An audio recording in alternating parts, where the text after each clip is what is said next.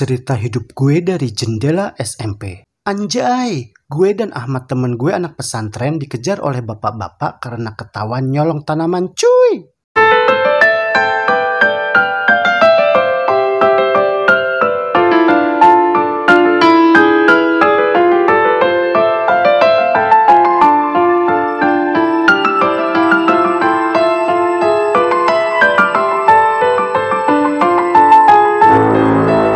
Waktu gue naik ke kelas 2 SMP, gue punya temen namanya Ahmad. Ahmad Jainuddin lengkapnya. Dia pindahan dari salah sebuah SMP di kota Cirebon. Di hari pertama masuk kelas 2 SMP itu, Ahmad dan tiga siswa pindahan yang baru lainnya oleh guru disuruh berdiri di depan kelas untuk memperkenalkan diri mereka masing-masing. Oh ya guys, tradisi di sekolah SMP gue zaman itu, setiap kita naik kelas, maka para siswa akan dipecah atau dipisahkan dengan teman-teman sekelas kita di kelas sebelumnya.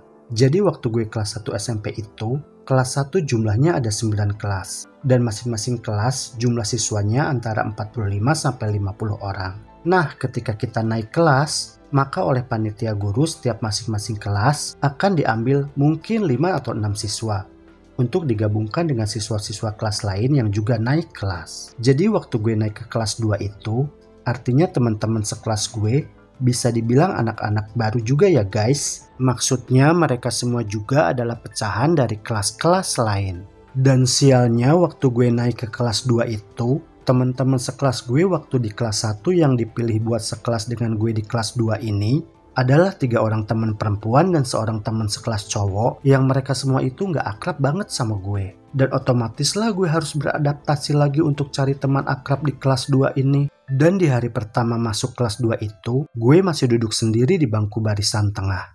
Sedih banget gue, kayaknya nggak ada anak-anak lain yang mau duduk sebangku sama gue. Apa salah dan kekurangan gue ya? Sedih. Nah, setelah anak-anak pindahan itu selesai memperkenalkan diri, dan disuruh pilih tempat duduk, si Ahmad ini milih tempat duduk semeja dengan gue. Dalam hati gue sih, not bad lah. Karena gue juga sebenarnya orangnya pilih-pilih juga ya guys. Kan gue juga nggak mau duduk sebangku sama anak yang kelakuannya badung, kelihatan urakan, atau jorok gitu. Dan gue lihat si Ahmad ini orangnya bersih dan pembawaannya kalem. Nggak begajulan lah, kayaknya cocok lah jadi teman sebangku gue. Dan singkat cerita, akhirnya di kelas 2 itu gue punya teman akrab tiga orang, termasuk si Ahmad. Jadi kita berempat itu cukup akrab. Atau kalau boleh gue sebutin, sebenarnya gue punya enam orang temen lah di kelas 2 SMP itu. Meskipun yang tiga orang itu gue anggap cuma sebagai penggembira saja. Iya karena seringnya kita mainnya cuma berempat aja dan cuma kadang-kadang aja kita mainnya bertujuh dengan mereka. Seiring berjalannya waktu, kok kayaknya gue melihat ada keanehan ya dengan si Ahmad ini. Dia tuh kalau gue perhatikan gak pernah fokus belajar ya, jarang bikin PR, males-malesan, gak pernah memperhatikan kalau guru lagi menerangkan di depan kelas, pokoknya gitu deh. Dan kalau ada tugas atau PR itu, dia suka minta contekan sama gue dan buru-buru dikerjakan di kelas sebelum pelajaran dimulai. Pasti hal itu juga masih banyak terjadi di sekolah pada zaman ini ya guys. Ngaku loh. Jangan bohong. Terus di setiap mata pelajaran, kalau guru sedang menerangkan tuh, tangannya malah asik bikin gambar atau melukis dengan pulpen di buku tulis. Tadinya sih gue kira si Ahmad itu lagi mencatat apa yang sedang guru terangkan di depan kelas. Dan ternyata dia malah bikin-bikin gambar gitu. Tapi setelah gue lihat dan perhatikan ke arah buku tulisnya, anjay, ternyata dia malah bikin lukisan gambar-gambar gitu.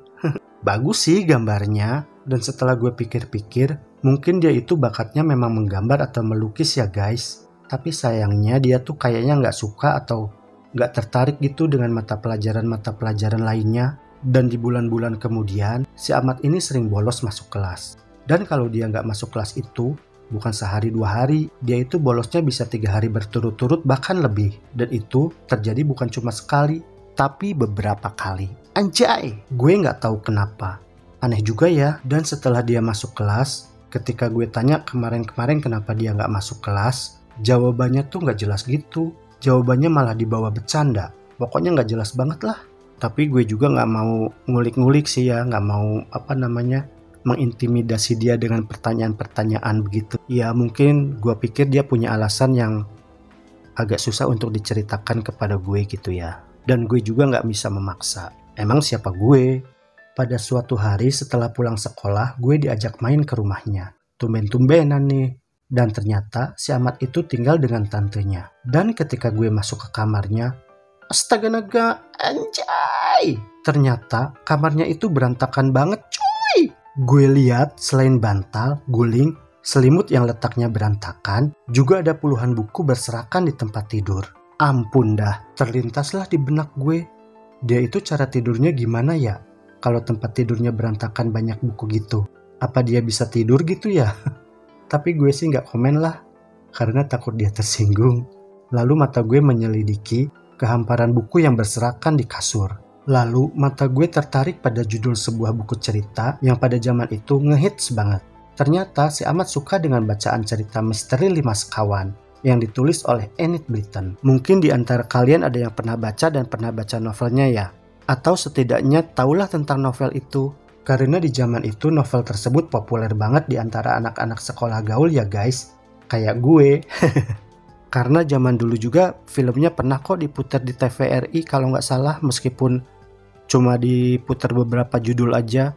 Padahal seru loh itu ceritanya tentang detektif anak-anak. Dan setelah ngobrol-ngobrol dengan si Ahmad, ternyata gue dan Ahmad memiliki imajinasi yang sama untuk menjadi seorang detektif.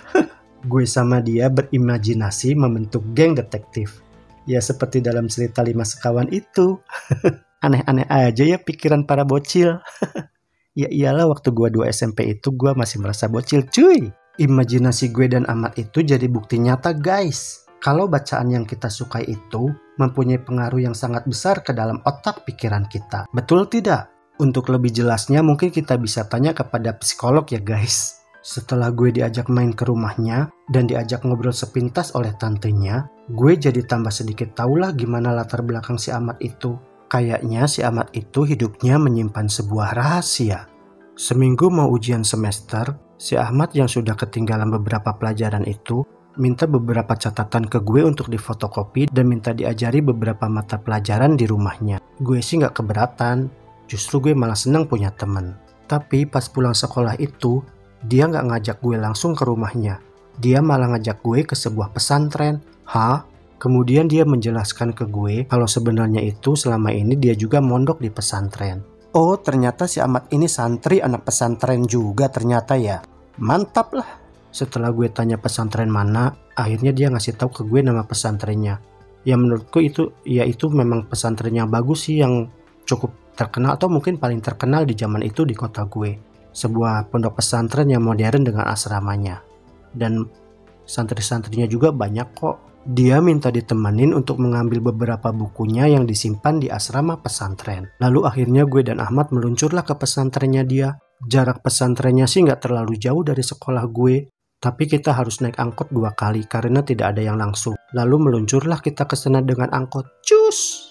Dari turun angkot di jalan raya menuju ke pesantrennya itu jaraknya kira-kira 50 meter. Melewati jalanan beraspal yang bagus, mata kita disegarkan oleh kebun pembibitan tanaman hias dan juga kembang-kembang yang ada di sebelah kiri.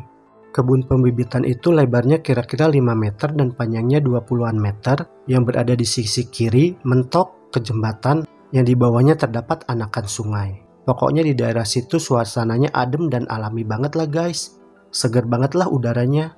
Dalam perjalanan menuju ke pondok pesantrennya itu, mata si Ahmad sepertinya tertarik dengan sebuah bunga yang sedang mekar berwarna jingga. Ya memang bagus banget sih. Matanya berbinar-binar sambil bibirnya tersenyum. Pokoknya kayaknya dia seneng banget dah. Nggak berapa lama lalu sampailah kita di kamar asramanya. Dan ternyata kamar di asrama pesantrennya juga berantakan cuy. Meskipun nggak seberantakan kamar yang ada di rumah tantenya. Kita di sana cuma sebentar karena cuma mau mengambil buku aja. Lalu kita segera bergegas pulanglah sambil melewati jalanan yang tadi ada pohon hias itu. Ketika beberapa meter kita akan melewati kebun bibit tanaman hias dan bunga-bunga itu, gue lihat ada seorang petani atau pegawainya mungkin ya yang sedang memacul atau mungkin sedang membereskan tanaman taman hias di tempat itu. Dia kelihatan lagi sibuk guys. Tiba-tiba si Ahmad bilang ke gue, eh kayaknya gue pengen deh sama bunga itu. Pengen gue tanam di pot di rumah tante gue katanya. Dan gue lihat sih memang di rumah tantenya itu banyak pohon-pohon juga. Waktu kemarin-kemarin itu gue datang ke rumahnya diajak sama dia itu. Ya terus lu mau ngapain? Tanya gue. Kita ambil yuk bunganya. Hah? Anjir, gue kaget mendengarnya. Nanti kalau ketahuan sama si bapaknya itu gimana? Tanya gue agak panik. Ya kita ngambilnya pelan-pelan aja, jangan sampai bapaknya tahu katanya. Aduh. Lalu setelah kita berdua memperhatikan si bapak tukang kebun itu yang kelihatan masih sedang sibuk dan membelakangi kita, lalu gue sama Amat mengambil pohon yang diincarnya. Hap, pendek sih pohonnya, paling kira-kira 30 sentian lah tingginya. Diambillah pohon itu oleh si Amat. Lalu kita berjalan cepat-cepat meninggalkan tempat itu. Dan tiba-tiba gue sama Amat dikejutkan oleh teriakan si bapak itu sambil mengacungkan parangnya. Hei, ngapain lu? Nyolong kembang. Balikin kembangnya, dasar anak-anak bandel. Teriak bapak-bapak penjaga kebun itu dengan wajah dan suara yang penuh dengan nada amarah. Marahnya itu serem banget cuy, yang bikin kita langsung auto kabur. Sambil ketakutan, tapi malah ketawa ketiwi, kita langsung kabur lari dengan secepat-cepatnya. Karena waktu itu kita masih bocil dan usia bandel-bandelnya ya guys, tapi untunglah si bapak itu cuma mengejar beberapa langkah aja dia tidak melanjutkan kejarannya kepada kita.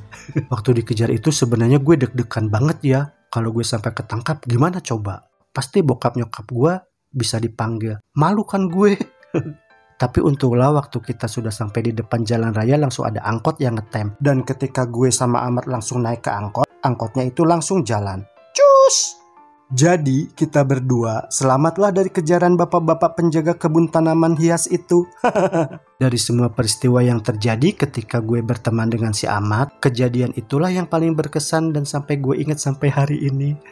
Dan setelah waktu berlalu hingga hampir di penghujung kelas 2 SMP, si Amat itu sering tidak masuk kelas. Berhari-hari, berminggu-minggu, bahkan udah lebih dari sebulan gak ada kabar. Lalu gue sama teman-teman gue Berinisiatiflah untuk menengok dia ke rumah tantenya. Ada apa gerangan?